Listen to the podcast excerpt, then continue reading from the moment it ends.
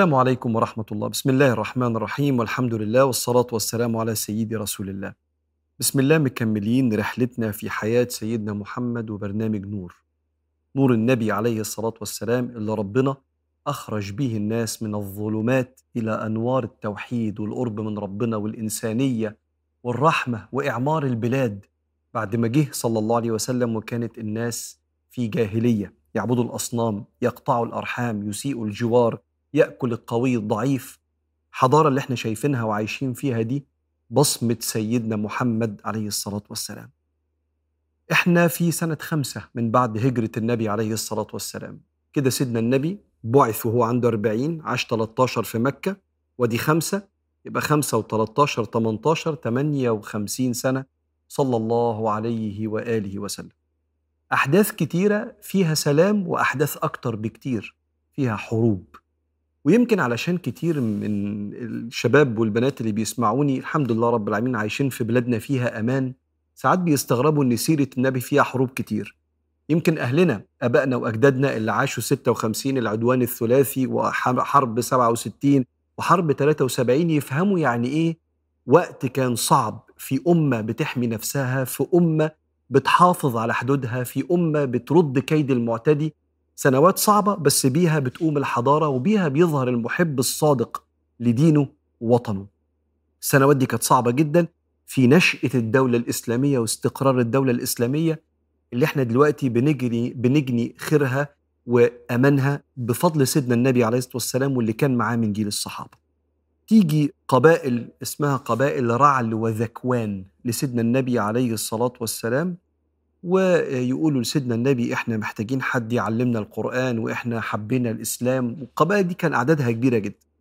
فبعت معاهم النبي عليه الصلاة والسلام سبعين واحد من القراء من حفظة القرآن. يعلموهم أحكام ربنا ويعلموهم توحيد ربنا ويحفظوهم القرآن. لكن الحادثة دي اسمها بئر معونة. بئر معونة الحادثة دي إن الصحابة لما راحوا كان معاهم بقيادة سيدنا حرام بن ملحان. أول ما وقفوا في وسط القبائل انطلقت حربة كبداية غدر القتل الصحابة كلهم اللي راحوا عشان يعلموهم القرآن. فانطلقت الحربة الحربة فدخلت في ظهر سيدنا حرام بن ملحان. خرجت من صدره. فأول ما خرجت من صدره قال فزت ورب الكعبة. وقتل كل الصحابة وقتها غدرا وظل النبي عليه الصلاة والسلام يدعي ليالي طويلة على هذه القبائل اللي غدرت بقراء القرآن اللي رايحين يعلموهم. مين اللي حكى لنا القصة دي؟ واحد اسمه جبار. مين جبار ده؟ ده اللي قتل سيدنا حرام بن ملحان ولما سمعوا بيقول فزت ورب الكعبة قال هذا مما دعاني للإسلام. هو مين ده اللي هو بيموت بيقول فزت؟ اللي بيموت بالنسبة لهم هيترمي في الأرض وكل متاع الدنيا بالنسبة له هيروح والأرض هتاكله. مفيش بعث. مفيش يوم قيامة مفيش جنة. هو إيه المسلمين اللي عندهم رغبة في حياة بعد الحياة وإن فيها نعيم؟ إيه فزت ورب الكعبة دي؟ فخد الكلمة دي وتأثر وراح بيها وأسلم عند النبي عليه الصلاة والسلام وحكى لنا القصة دي كان اسمه جبار. عدت القصة دي وبعدين نخش في قصة أشد حصلت سنة خمسة. إن سيدنا رسول الله عليه الصلاة والسلام أخذ سيدنا أبو بكر وعمر وراحوا لبني النضير. القبيلة التانية من قبائل اليهود اللي لسه موجودين في المدينة. بنو قينقاع النبي أجلاهم بعد ما تحرشوا بالمسلمة فراح لبني النضير علشان في بعض المصالح المشتركة اللي ما بين المسلمين واليهود وهم بينهم صحيفة ومعاهدة في بلد واحدة. فلما وصل سيدنا النبي عليه الصلاة والسلام قعد على شيء زي الدكة كده وسند ظهره على حيطة جدار بيت. فقعد جوه يتشاور زعماء بني النضير ويقولوا هل يصعد منا أحد على رأس البيت فيقذف عليه حجر فيريحنا منه؟ فنزل سيدنا جبريل لسيدنا النبي يقول له إيه اللي بيحصل ده؟ وحي من ربنا سبحانه وتعالى. فقام النبي مسرعا كأنه أراد حاجة. قام النبي بسرعة وخد أبو بكر وعمر كأنه رايح يعمل حاجة. وجهز النبي صلى الله عليه وسلم لهؤلاء الغادرين جيش من الصحابة وحاصر بني النضير وأجلاهم عن المدينة. لما حاصرهم صلى الله عليه وسلم جه عبد الله بن أبي بن سلول رأس المنافقين ومجموعة من المنافقين يسخنوا بني النضير يحاربوا النبي. لو حاربتوهم إحنا معاكم ولو حاولوا إن هم يمشوكم المدينة هنمشي معاكم. ألم تر إلى الذين نافقوا؟ يقولون لإخوانهم الذين كفروا من أهل الكتاب لئن أخرجتم لنخرجن معكم ولا نطيع فيكم أحدا أبدا. ولئن قتلتم لننصرنكم والله يشهد إنهم لكاذبون لئن أخرجوا لا يخرجون معهم ولئن قتلوا لا ينصرونهم ولئن نصروهم ليولن الأدبار ثم لا ينصرون وفعلا خافت بني النضير تحارب النبي عليه الصلاة والسلام لأن الغدار بيبقى خايف ومشيوا من المدينة وخذلوا المنافقين ولم يتبقى في المدينة إلا بنو قريظة. حادثة بئر معونة حادثة غدر. ونفسية الغادر سيكولوجيته يعني هو شخص بيشوف الناس أشياء بيحقق بيهم مصالحه بغض النظر عن مشاعرهم وأحاسيسهم وحقوقهم.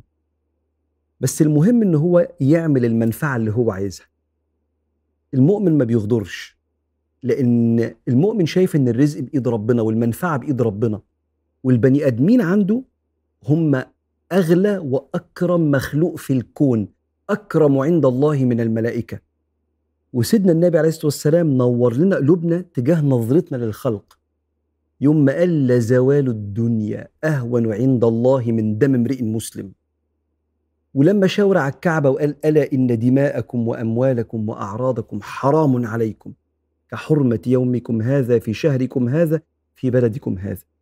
وشاور على العالمين بكل معتقداتهم. وقال المسلم من سلم الناس من لسانه ويده لكن الغدر وحش. تبقى دنيئة قوي لما تكون في الفلوس بين اتنين متشاركين أو اتنين متجوزين متعاهدين على حسن العشرة.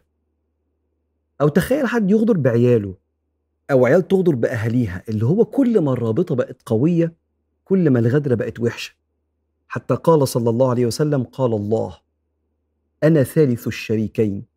ما لم يخن أحدهما صاحبه فإن خانه خرجت من بينهما. طبعا العلماء يقولوا لما ربنا سبحانه وتعالى خرجت من بينهما يعني بقيت مع المظلوم ضد الظالم على الظالم اللي غدر. فتخيل بقى كده لما واحد مثلا يغدر بمراته وعياله يبيعها الصيغة بتاعتها. قصص بقى يعني الواحد عنده كتير من دي عشان مزاجه وسفرياته. ولا واحدة ترمي عيالها عشان الكارير. المستقبل.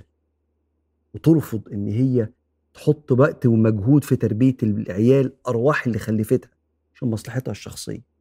لا ده صعب جدا ده. عشان كده لما النبي قال عليه الصلاة والسلام يوم القيامة يرفع يوم القيامة لكل غادر لواء مكتوب عليه هذه غدرة فلان. يعني تشوف بقى الواحد يعني مكتوب إيه على الراية بتاعته قدام الخلق قدام سيدنا النبي عليه الصلاة والسلام وقدام ربنا قدام سن جبريل يوم القيامة. قدام الجنة اللي جاية متزينة للصالحين والنار اللي جاية بتزأر علشان غيظها من العصاة. الوفاء جميل وهو الخلق من الأخلاق الأولى عند المؤمنين والغدر الغدر ما فيهوش نور غدر مضلم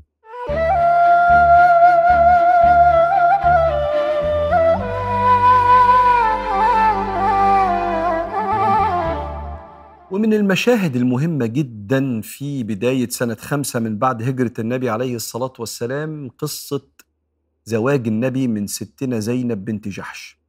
هي أصلا كانت زوجة سيدنا زيد بن حارثة.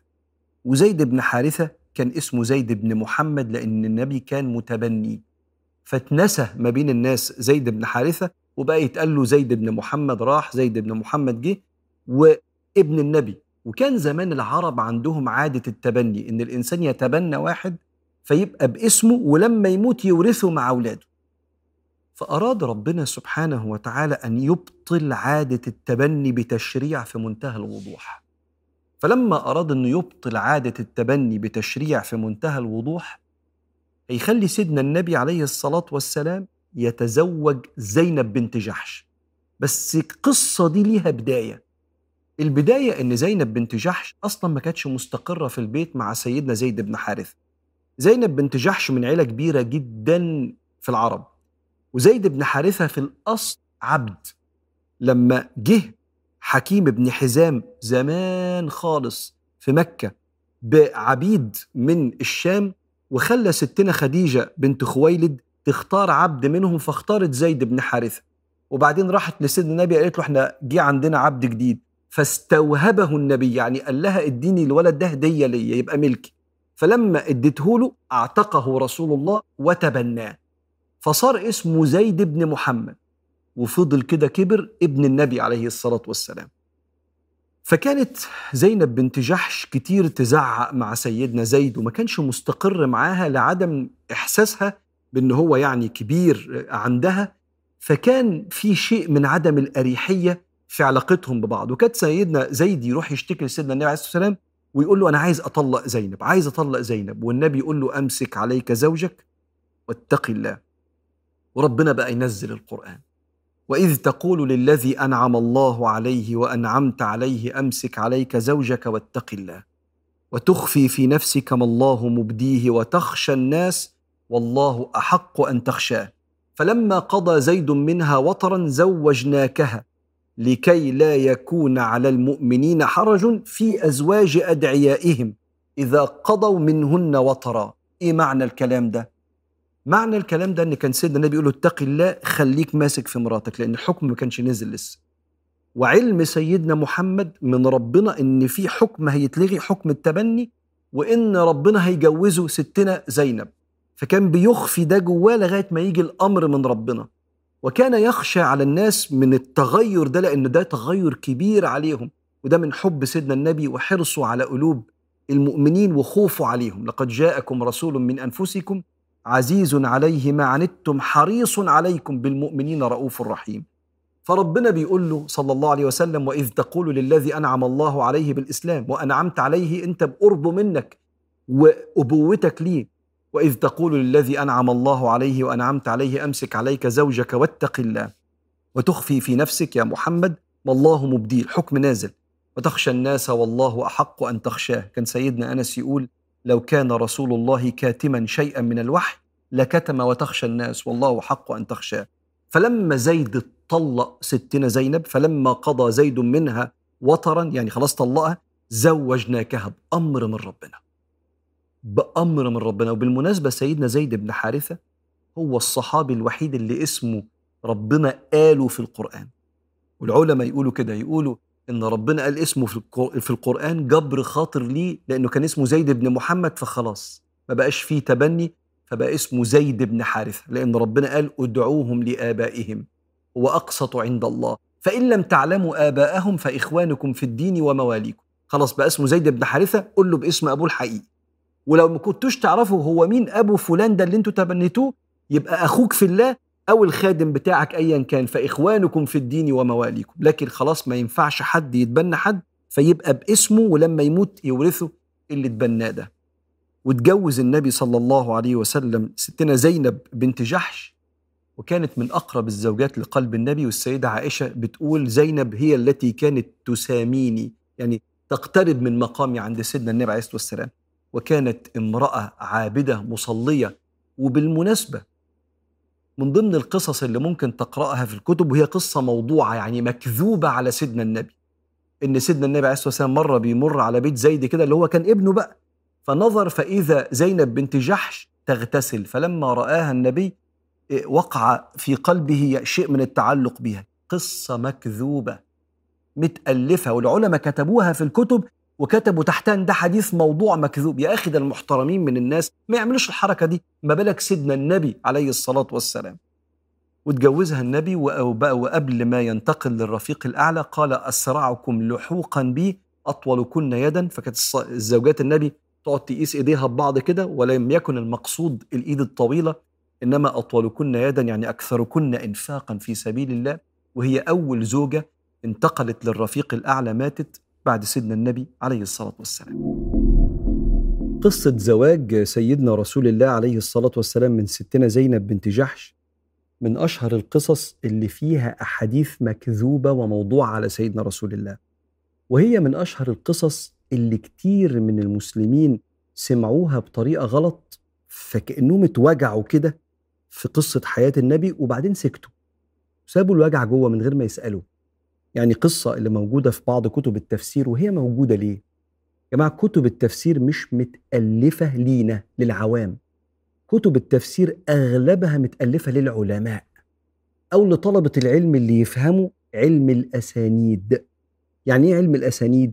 يعني ابن كثير في تفسير القرآن العظيم يقول لك قصة موضوعة مكذوبة أو إسرائيليات لا يقبلها عقل بس هو قايلها لك وقايل لك قبلها معلومة إن دي مكذوبة قالها لك إزاي؟ عن طريق الإسناد عن فلان عن فلان العلماء يفهم لما يقول لي الإسناد ده اللي فيه فلان ده يقصد يقول لي أنا بس حاطط لك القصة دي هنا عشان تبقى متأرشفة هي محطوطة في مكانها ذكر في القصة دي المعلومات دي. بس أنا قايل لك الإشارة هنا إن خد بالك في هنا كذب في القصة دي. العالم يفهم الكلام ده ويفهم ليه حطوا الحاجات دي في الكتب عشان يبقى متقال في كتب التفسير كل ما ورد في القصة الموضوع والصحيح. الموضوع حاطينه على جنب ومدين الإشارة في السند والصحيح محطوط على جنب ومدينه الإشارة في السند ومعلق عليه الإمام تحت إن هو ده الصحيح. لما أنت تيجي تقرأ وأنت مش متخصص تتفاجئ. علشان كده مهم إنك أنت تسأل شيخك وأستاذك أقرأ إيه في التفسير؟ أو لما أقرأ كتب الأمهات التفاسير أقراها إزاي وأفهمها إزاي؟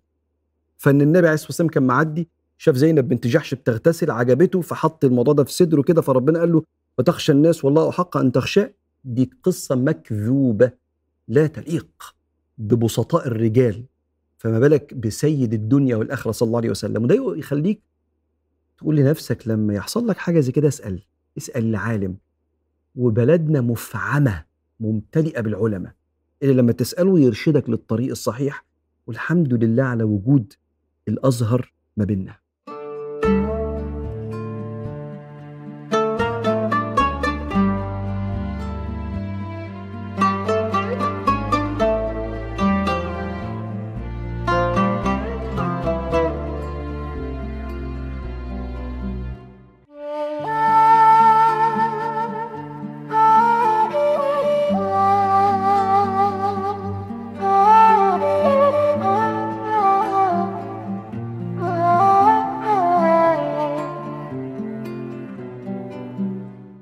الأحداث المهمة اللي حصلت سنة خمسة حرب كان في قبيلة اسمها بني المصطلق عايزة تهجم على المدينة.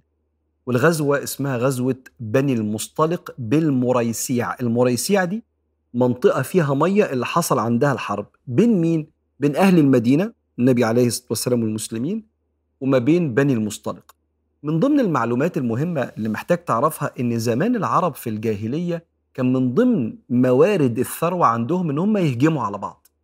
إنك تلاقي مكان مستقر فتهجم عليه تاخد الموارد اللي عنده وتاخد الشباب اللي عنده عبيد عندك والنساء يبقوا سبايا عندك. وكان في شيء من عدم وجود القوانين كده. لغاية ما جه صلى الله عليه وسلم وحفظ الحقوق وعلم الناس إن كيان البني آدم أعظم وأكرم عند الله من الكعبة. وهنيجي وإحنا بعد شوية في كلام سيدنا النبي في الموضوع ده بالذات. علشان فكرة إن قابلتين يحاربوا 40 سنة عشان ده موت لواحد معزة ولا جمل ولا واحد يبص لواحد بصة مش كويسة فيقتلوا بعض فتقوم حرب تقعد عشرات السنين الكلام ده كله سكن بس بعد استقرار أمة النبي عليه الصلاة والسلام. فبني المصطلق جه في بالهم إن هم يحاربوا النبي عليه الصلاة والسلام ويهجموا على المدينة بلغ النبي عليه الصلاة والسلام آه هذا الأمر فجهز الجيش وخرج لهم. كان كتير النبي ما يستناش الحرب تحصل في المدينة عشان لو حصل أي دمار في الحرب ما تبقاش البلد بتتدمر فيطلع يحارب بره. وصلوا عند منطقة اسمها المريسيع ده مكان فيه مية وحصلت الحرب وانتصر النبي عليه الصلاة والسلام. وبعدين خدوا بعض وراجعين. بس وهم راجعين حصل كم موقف مهمين جدا جدا في السنة دي. موقف الأولاني إن واحد من المهاجرين وواحد من الأنصار في المية دخلوا راكبين الجمال بتاعتهم فزي ما يكون كده كسروا على بعض زنقوا على بعض فاتخانقوا. حد منهم ضرب التاني. فواحد منهم قال يا للمهاجرين قال التاني يا للأنصار مهاجرين أنصار تعالوا. هنحارب؟ هنحارب إيه؟ هنحارب إيه؟ ده إحنا مسلمين ده إحنا أمة واحدة. فسمع النبي الكلام ده قال ما هذا؟ أبدعوى الجاهلية وأنا بين أظهركم؟ هو إحنا لسه بنقول إحنا الفرقة دي وإحنا الفرقة دي وهنحارب بعض؟ دعوها فإنها منتنة. الكلام اللي أنتوا بتقولوا ده كلام منتن. كناية على أن المؤمن المفروض يرتقي عن المستوى ده من الخلاف. يا للمهاجرين يا للأنصار. مين بقى دخل في المشكلة دي؟ عبد الله بن أبي بن سلول رأس المنافقين. دخل عايز يولعها نار. الأنصار كانوا هيتخانقوا مع المهاجرين. الأنصار دول الأوس والخزرج. اللي كانوا هيتفقوا يخلوا عبد الله بن أبي بن سلول زعيم. فلما جه النبي بالحق عليه الصلاة والسلام هو اللي كان زعيم للقلوب صلى الله عليه وسلم. فهو متغاظ جدا. فراح للأنصار يقول لهم ما هذا؟ كاثرونا في بلادنا ونافرونا وأكلوا معنا من أكلنا. عملوا زحمة في البلد عندنا وخلونا نتخانق مع بعض وشاركونا في الرزق بتاعنا. وكما قالوا قديما سمن كلبك يأكلك. يعني تقعد تغذي الكلب بتاعك لغاية ما ياكلك. يعني يغدر بيك. مين سمع الكلام ده؟ سمع الكلام ده سيدنا زيد بن أرقم واحد من الصحابة. وقام قايل عبد الله بن أبي بن سلول والله لئن رجعنا إلى المدينة ليخرجن الأعز منها الأذل. لا تنفقوا عليهم. محدش من الأنصار يساعد المهاجرين. يقصد الأعز هو ويقصد الأذل هو اللي يقصد. يعني سيدنا رسول الله صلى الله عليه وسلم أعز الناس عليه الصلاة والسلام. سمع الكلام ده زيد بن أرقم فراح قال لسيدنا النبي يا رسول الله ده ناوي يعمل كذا لما نرجع المدينة. وبيقول للناس في الأنصار لا تنفقوا على من عند رسول الله. اطردوهم بقى خلاص كفاية كده. فسيدنا عمر بن الخطاب قال لسيدنا النبي إيه رأيك؟ أضرب عنقه يا رسول الله. قال كلا. لا يتحدث الناس أن محمدا يقتل أصحابه. لو هتقتله يا عمر لأنه عمال يوقع بيننا وبين بعض وعمال يتفق مع اليهود ويغدر بينا هو في الآخر اسمه مؤمن وسطنا مسلم وسطنا لا يتحدث الناس أن محمدا يقتل أصحابه وإن كان النبي عارف إنه منافق وأشد عداوة من المشركين. فعبد الله بن أبي بن سلول جه لسيدنا النبي وقعد يحلف له 100 يمين والله ما قلت أي حاجة. بعد ما الناس خوفته لحسن ينزل فيه قرآن وربنا يعلم سيدنا النبي عليه الصلاة والسلام وقالوا له روح قول للنبي يستغفر لك. ونزلت سوره المنافقين تصدق سيدنا زيد بن أرقم. اللي كأنه تهز كده لأن هو سنه صغير وفي بعض الناس قالوا لعل زيد وهم ده بيحلف 100 يمين انه ما قالش حاجة فتهز سيدنا زيد فنزلت سورة المنافقين في جزء 28 إذا جاءك المنافقون قالوا نشهد إنك لرسول الله والله يعلم إنك لرسوله والله يشهد إن المنافقين لكاذبون. اتخذوا أيمانهم جنة يعني حماية فصدوا عن سبيل الله إنهم ساء ما كانوا يعملون. وفي آخر السورة هم الذين يقولون لا تنفقوا على من عند رسول الله حتى ينفضوا. وبعدين يقولون لئن رجعنا إلى المدينة ليخرجن الأعز منها الأذل. ونزل القرآن بنص كلام ابن سلول. يصدق سيدنا زيد بن أرقم. فجي سيدنا عبد الله ابن عبد الله ابن أبي بن سلول. صحابي شريف عظيم. ده مين؟ ابن رأس المنافقين. المنافق اسمه عبد الله بن أبي بن سلول. ده عبد الله ابن عبد الله بن أبي بن سلول. قال يا رسول الله إن شئت أتيت لك برأس أبي فلا تأمر غيري بأن يقتله حتى لا أرى قاتل أبي. افتكر إن النبي هيقتله لما القرآن نزل. طب أنا أقتله أنا؟ عشان ما أشوفش حد ماشي قدامي قتل أبويا. فقال لا بل نبر أباك ونحسن صحبته ما دام معنا. وعلمه صلى الله عليه وآله وسلم ده مش رد فعلي. ده إحنا هناخد بالنا من أبوك طول ما هو عايش وسطنا. يموت عبد الله بن أبي بن سلول رأس المنافقين يموت في التوقيع. لأن التوقيع وزرع الفتنة ما بين الناس هو أقوى فاس ومعول تضرب بيه تماسك أي صحاب عيلة تمع بلد. والتوقيع ده هو أحد أكبر أسباب عذاب القبر بالمناسبة. عشان بس ما تستصغرش الموضوع ده. لما النبي كان معدي عليه الصلاة والسلام على قبور والحديث البخاري مسلم فسمع صوت عذاب قال إنهما لا يعذبان.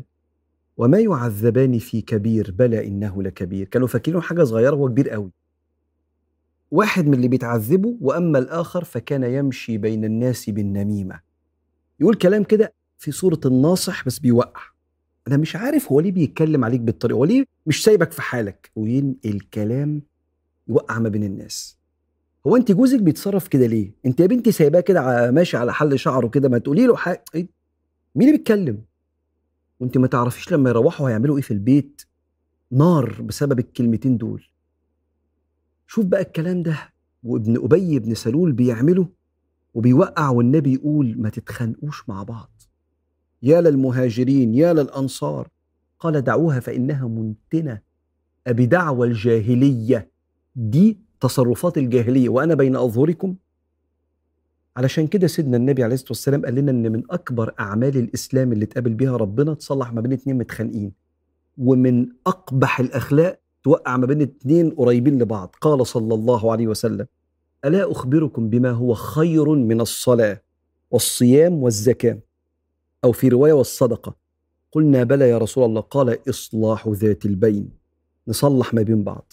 سواء اتنين متخانقين بتصلح ما بينهم أو أنت متخانق مع حد وبتصلح علاقتك بيه وبتبذل مجهود في ده إصلاح ذات البين العلاقات اللي ما بيننا. فإن فساد ذات البين هي الحالقة. لا تحلق الشعر. قال كده النبي عليه الصلاة والسلام. بل تحلق الدين. الحلاقة إنك تجيب شعرك بالموس من جدره. الإنسان لما بيبقى متغاظ ومتخانق وعايز ينتصر بيفقد كل أخلاقه. الأدب والذوق والصدق بيجيش كل جيوش الأذية عشان ينتصر. لما شطانه بيكسبه وبيغلبه بيسيطر عليه. العجيب إن سيدنا عمر قال له طب نقتل عبد الله بن أبي بن سلول. قال له لأ. لا يتحدث الناس أن محمدا يقتل أصحابه. لأ.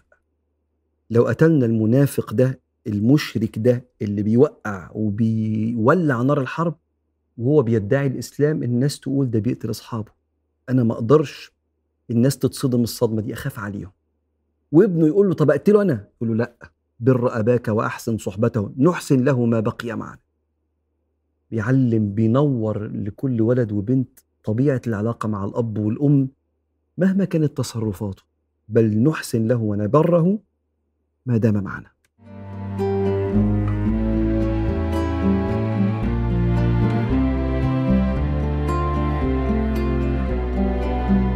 بس لسه غزوة بني المصطلق فيها حدث ضخم هيحصل في المدينة.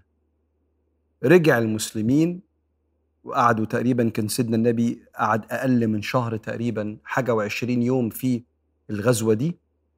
ورجع عبد الله بن أبي بن سلول وابنه متضايق منه جدا إنه قال كده على سيدنا النبي عليه الصلاة والسلام فمتغاظ ابن أبي بن سلول انه اتفضح وبعدين بعد شوية بعد ما الجيش رجع حصل إن ستنا عائشة كانت متأخرة وجاية في جمل بيقودوا صفوان بن المعطل وراجعين لوحدهم.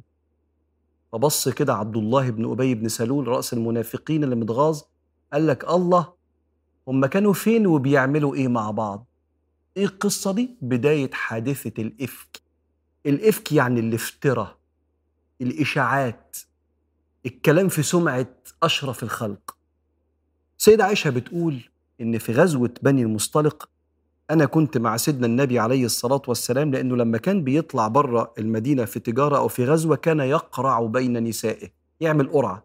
فاللي سهمها اللي نصيبها يطلع تطلع مع سيدنا النبي عليه الصلاة والسلام. وكنت وقتها جارية خفيفة لم أحمل اللحم كنت رفيعة يعني. فبعد ما خلصوا الغزوة لسه هتركب فوق الجمل في الهودج الهودج الصندوق اللي انت كنت بتشوفه في الأفلام بتاعت زمان اللي كانت بتقعد فيه النساء صندوق زي قماش كده. فلسه هركب عشان أمشي مع الجيش تلمست صدري فلم أجد العقد.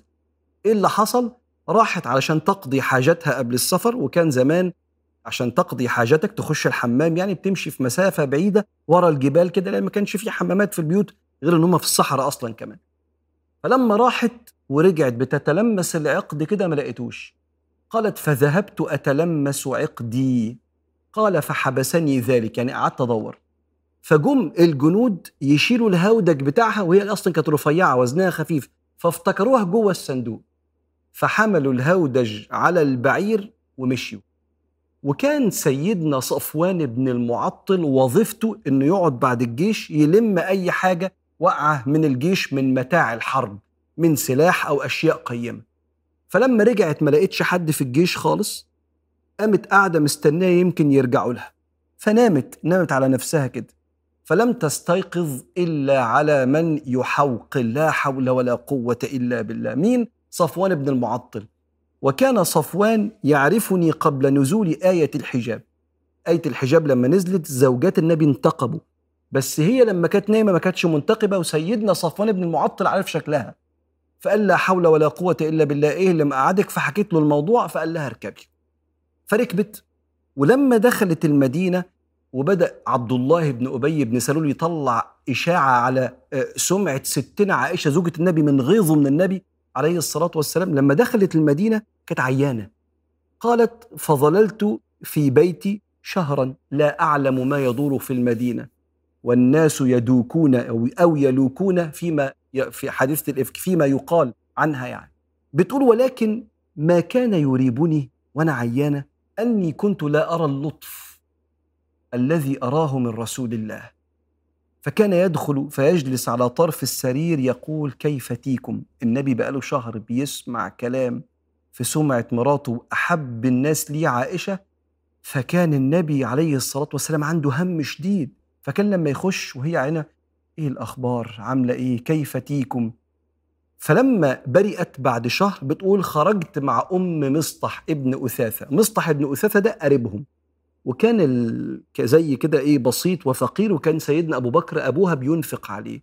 فلما خرجت مع أم مصطح إلى متبرزنا. المتبرز يعني المكان اللي بيخشوا فيه الحمام البعيد اللي ورا الجبال. فوهي ماشية قامت اتكعبلت في العباية بتاعتها أم مصطح. أو هي بتتكعبل قامت قايلة تعس مسطح. عارف لما تقول يخيبك يا أخي؟ فقالت لها أتسبي سيدة عائشة؟ بتقول بقى. اللي قالت الكلام ده أم مسطح. فالسيدة عائشة بتقول لها أتسبي رجلا شهد بدرا؟ أنت بتشتمي مسطح ليه؟ ما هي السيدة أم مسطح لما خرجت مع عائشة وعارفة إن عائشة ما تعرفش حاجة ومتضايقة إن مسطح ابنها من ضمن الناس اللي بتنقل الإشاعة. شفت اللي حصل؟ ده بيقولوا على عائشة. شفت اللي حصل؟ وعمال كل ما يقعد في حتة يتكلم في الموضوع. فمتضايقة منه جدا. فلما اتكعبلت قالت يخيبك تعس مسطح قالت لها ما تشتميش مسطح ده قريبنا ده ابنك وده شاهد بدر. وفي أحسن من كده؟ قالت يا هنتاه يا هنتاه يعني يلي ما تعرفيش حاجة أما تدري ما يحدث في المدينة؟ وقامت حكي لها كل قصة الإفك. قالت السيدة عائشة فزدت مرضا على مرضي ورجعت على بيت أبي. وهنقف هنا وهنكمل المرة اللي جاية اللي حصل في بيت النبي عليه الصلاة والسلام وفي المدينة في شهر من أصعب الشهور على قلب سيدنا محمد. عجيب جدا إن من ضمن القدوة والأسوة اللي نأتسي بيها في سيدنا محمد إن يحصل في بيته حد يتكلم على شرف مراته. قصة بالنسبة لنا عجيبة جدا. شوف سيدنا النبي حصل له كل حاجة ممكن أي بني آدم يحتاج لها. يعني المنافقين عبد الله بن أبي بن سلول وصلت بيه الوقاحة إنه يتكلم في حاجة زي كده. وبعدين ستنا عائشة ما غلطتش مش مثلا كده غلطة غير مقصودة أو كلمة تتفهم بطريقة غلط. فبرضه يا جماعة ما حكتش حقها قالت كده. مفيش صفر ما عملتش أي حاجة. الست ضاع منها حاجة راحت تجيبها وده من قدر الله. افتكروا إن هم إن هي قاعدة في الصندوق الهودج بتاعها شالوه مشيوا في الصحراء لوحدها. عارف يعني إيه صحراء؟ يعني ما فيش مية يعني في وحوش يعني في حاجات كتير. فكان سيد الرجالة سيدنا آه، صفوان بن المعطل ركبها على الناقة وبمنتهى الرجولة والحشمة والحياء وصلها. ماشي قدامها كده وهي راكبة على الناقة أم المؤمنين. لكن اللي عايز يتكلم هيتكلم. واللي عايز يتكلم مش هتعرف توقفه. مش هتعرف توقف إنه ينشئ الفكرة. وليك في سيدنا رسول الله وأم المؤمنين أمنا كلنا أسوة. لو حد بيتكلم عليك كلام في ظهرك سخيف. لو قدرت توقفه وقفه. زي ما هتسمع في القصة دلوقتي. بس أنت مش مش هتعرف توقف الفكرة. إن يبقى في ناس هو ما عندوش حاجة في حياته بيعملها إلا إنه كل ما يشوفك بتلمع وبتكبر في الدنيا هو موجوع عشان كده. عشان هو ما بيعملش حاجة عشان ما عندوش معنى عايش عشان عشان كان نفسه يبقى مكانك وأقدار ربنا ما جابتوش مكانك. عشان كان نفسه يحقق جزء من نجاحاتك وما بيعملش ربع مجهودك اللي أنت بتعمله. فما عندوش غير الكلام. البشر يحبوا يتقال عليهم كلام حلو لأن ده من ضمن القبول الاجتماعي اللي ربنا خلقنا بنحبه. والرفض الاجتماعي إن حد يقول عليه كلام وحش في ظهر الناس تشتمني ده بيوجع. بس الاستغناء بالله والعلم اليقيني أنه لا يضر ولا ينفع إلا الله وإن اللي بيدافع عنك لما حد بيجيب سيرتك الله. وحتى لو الموضوع ده طول زي ما يقعد شهر في حادثة الإفك الناس بتتكلم في الموضوع بس العاقبة هتبقى كبيرة قوي في رد اعتبارك كل ما الموضوع بقى صعب. فاصبر. إن العاقبة للمتقين. وإذ تقول للذي أنعم الله عليه وأنعمت عليه أمسك عليك زوجك واتق الله وتخفي في نفسك ما الله مبديه وتخشى الناس. وتخشى الناس والله أحق أن تخشاه. فلما قضى زيد منها وطرا زوجناكها زوجناكها لكي لا يكون على المؤمنين حرج في أزواج أدعيائهم. في أزواج أدعيائهم إذا قضوا منهن وطرا وكان أمر الله مفعولا. ما كان على النبي من حرج فيما فرض الله له. سنة الله في الذين خلوا من قبل وكان أمر الله قدرا مقدورا. الذين يبلغون رسالات الله ويخشونه ولا يخشون أحدا إلا الله وكفى بالله حسيبا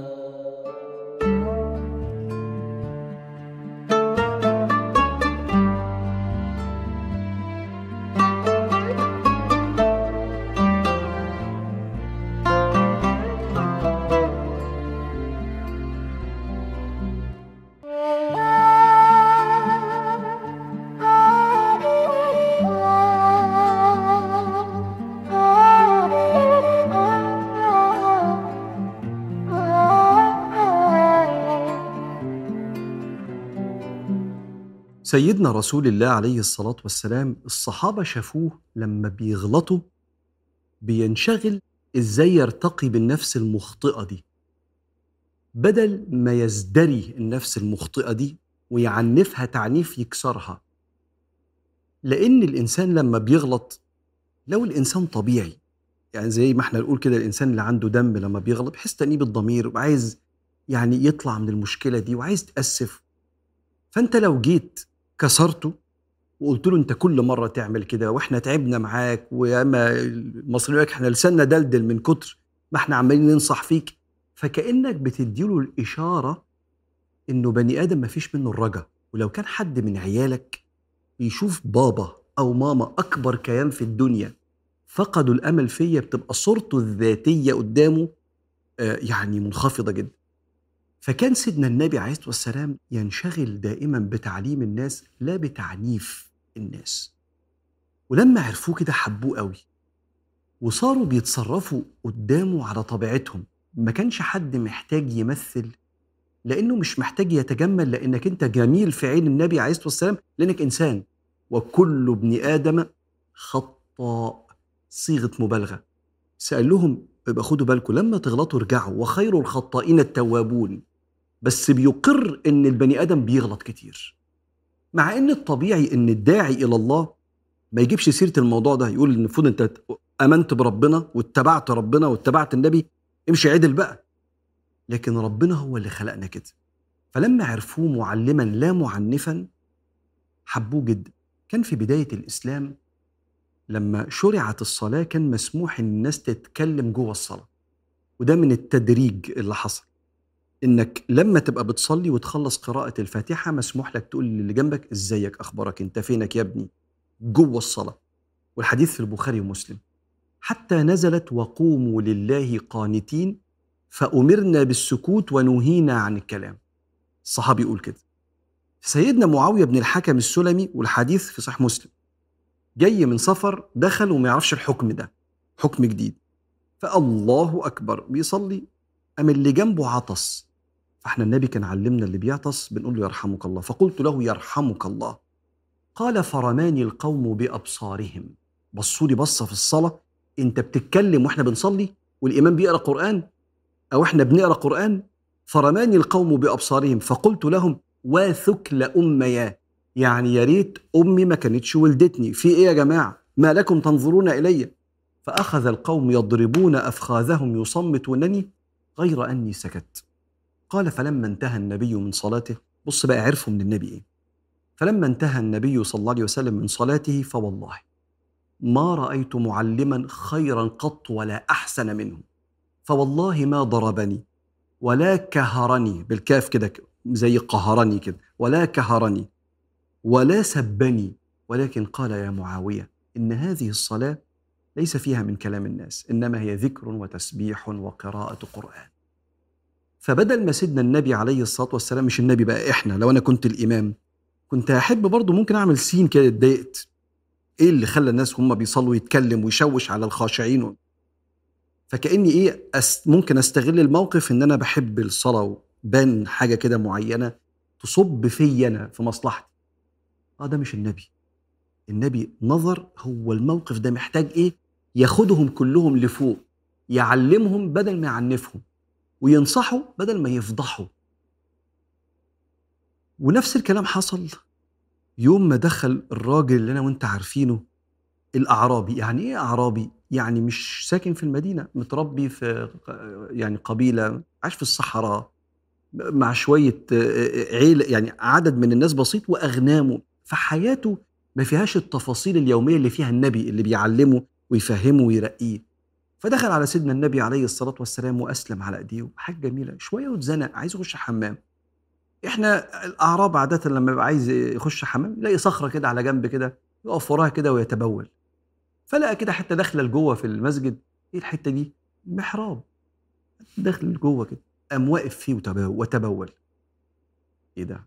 يعني يعني حد يقول لي هو ده مستهين بالمسجد؟ هو ده بيضايقنا؟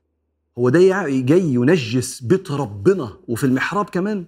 فقام الصحابة عليه فقال صلى الله عليه وسلم اللي بيفكر فيما وراء الفعل الفعل ده جاي منين؟ قال لا تزرموه يعني لا تقطعوا عليه البول لا تزرموه. بعد ما خلص قال يا أعرابي ما حملك على أن تبولت في مسجدنا؟ أولست برجل مسلم؟ ليه عملت كده؟ قال له حضرتك الطريق بره رملة والمسجد رملة. هو الرملة اللي بره اللي بنعمل فيها تواليت دي نتبول. مش زي الرملة دي. قال يا رسول الله والله ما ظننت الصعودات اللي هي الطرق والمسجد إلا شيئا واحدا. قال لا إن المساجد لم تبنى لهذا.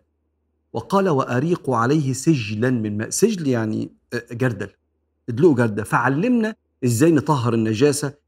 وعلمنا نتعامل مع اللي ما يعرفش إزاي. صلى الله عليه وسلم.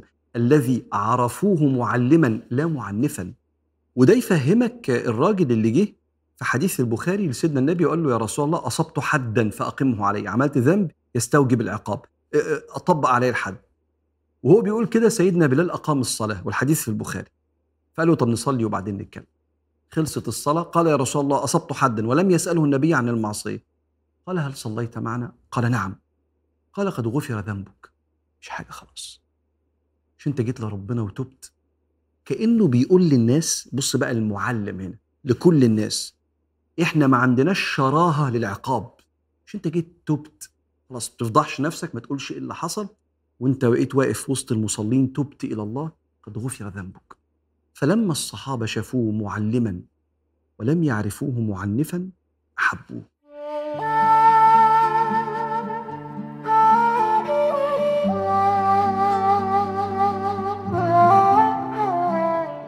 بيت ربنا سبحانه وتعالى أشرف مكان في الدنيا. وفيه تتنزل الرحمات وفيه تغفر السيئات وفيه يقبل العباد على ربهم ويقبل ربهم عليهم سبحانه وتعالى. وفي إحساس السكينة وفي كل حاجة. المساجد. وكان صلى الله عليه وسلم لما بيروح المسجد حياته كانت في المسجد كان عليه الصلاة والسلام ليه سنن وليه وصايا وليه آداب. وكل ما تأدبت مع بيت ربنا كل ما انتفعت بيه لأن الأدب هو سر الانتفاع. فتعالوا نشوف كده سيدنا النبي عليه الصلاة والسلام كان بيعمل إيه؟ أولا عشان يعظم الأجر لو بتدور على الأجر ويعظم النفع وأنت بتدور على النفع وكمان تبقى ماشي ورا النبي فمن تشبه بقوم فهو منهم. فأول حاجة النبي كان وهو رايح المسجد كان بيدعي دعوة مرتبطة باستقبال المعاني والأنوار اللي في المسجد.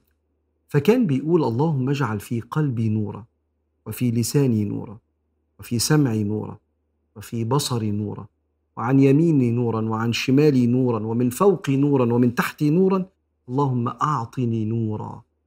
النور المعاني اللي بتغذي الروح وتوصلها بربنا أخش بيتك يا رب أطلع بالأنوار دي.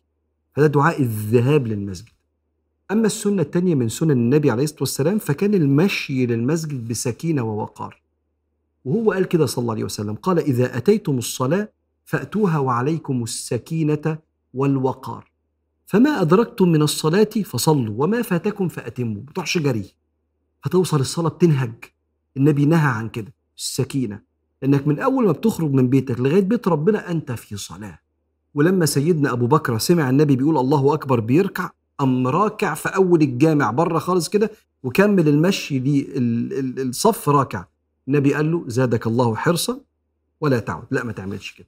فدي السنة الثانية السنة الثالثه هي التزين للمسجد. فاكر الآية؟ يا بني آدم خذوا زينتكم عند كل مسجد. وكان سيدنا النبي عليه الصلاة والسلام يقول من كان له ثوبان فليلبسهما. شيك كده من فوق ومن تحت لأن العرب زمان أيام النبي كان ممكن يبقى واحد عنده ثوب واحد بس. فيقول, فيقول لهم لو أنت لا ربنا موسع عليك وعندك ثوبان وأنت رايح للمسجد البس الثوبين دول. ومن ليس له إلا ثوب فليأتزر به. يأتزر به يلبسه من تحت كده من السرة لغاية تحت. فإن الله أحق أن يتزين له. دي السنة الثالثه السنة الرابعة إنك تروح المسجد وريحتك حلوة.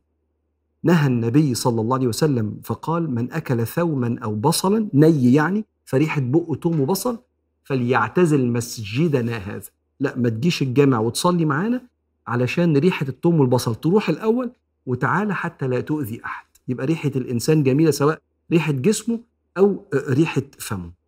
السنة الخامسة لما كان النبي بيخش دعاء دخول المسجد كان يدخل برجله اليمين صلى الله عليه وسلم ويقول اللهم اغفر لي ذنوبي وافتح لي أبواب رحمتك. أو كان يقول دعاء أطول شوية. أعوذ بالله العظيم وبوجهه الكريم وبسلطانه القديم من الشيطان الرجيم.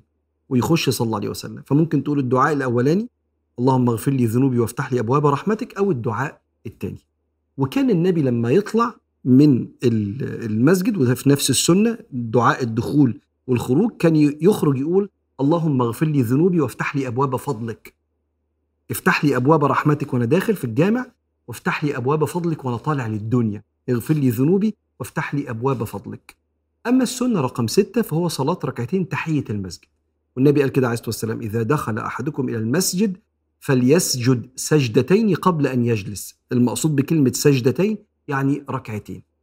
ومرة أحد الصحابه اسمه سيدنا سليك الغطفاني دخل المسجد والنبي بيخطب الجمعة فقعد عشان يسمع الخطبة. فالنبي قال له يا سليك قم فصلي ركعتين وتجوز فيهم فأنت لو دخلت المسجد ولقيت الإمام بيخطب الجمعة صلي ركعتين خفيفتين واقعد استمع للخطبة. السنة رقم سبعة هو التبكير للصلاة. سيدنا النبي يقول كده عليه الصلاة والسلام لو يعلم الناس ما في النداء والصف الأول ثم لم يجدوا إلا أن يستهموا عليه لاستهموا. استهموا عملوا قرعة. لو الناس تعرف ثواب إن تيجي وقت الأذان أو تقدر. لو في وقت انت ما عندكش فيه شغل وتقدر انك انت تبقى قاعد في الجامع من وقت الأذان لغاية وقت الصلاة وتصلي في الصف الأول حلو. لو بتشتغل يبقى تعالى على الإقامة علشان تعرف تظبط يومك ما بين العمل وما بين الصلاة. لكن لو تقدر انك انت في يوم مثلا أجازة أو بعد الشغل تقدر الأذان يأذن عليك وانت في الجامع لو يعلم الناس. ما في النداء والصف الأول وكان المسجد مليان فمحتاجين نعمل قرعة من اللي يخش. ثم لم يجدوا إلا أن يستهموا عليه استهموا. لو الموضوع يعني من كتر الزحمة بالقرعة كانت الناس اتسبقت عشان تلحق تقعد في الجامع وتلحق الصف الأول التبكير للصلاة. أيضا من السنن في علاقة الإنسان بالمسجد إنك أنت تسوي الصف. وإحنا بنسوي الصف بالكعب والكتف مش بالصباع اللي قدام. كان سيدنا النبي يقول كده سووا الصف فإن تسوية الصف من إقامة الصلاة. الإقامة هي التحسين وفي الرواية الأشهر من تمام الصلاة. يبقى شيء أخير من الآداب النبوية والسنن المنسية في علاقة الإنسان ببيت ربنا إنك ما تمرش بين إيدين المصلي.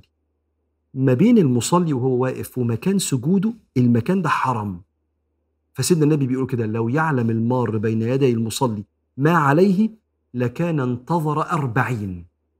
كان يستنى أربعين. فالراوي الحديث بيقول معرفش بقى أربعين يوم ولا شهر ولا سنة بس لو يعرف اللي عليه من الإثم وهو بيعدي ده كان استنى أربعين وما عداش. فدي كانت الآداب النبوية والسنن المنسية في علاقتنا ببيت ربنا. اللهم صل وسلم وبارك على سيدنا محمد بعدد ذرات الوجود. صل وسلم وبارك على سيد كل والد ومولود.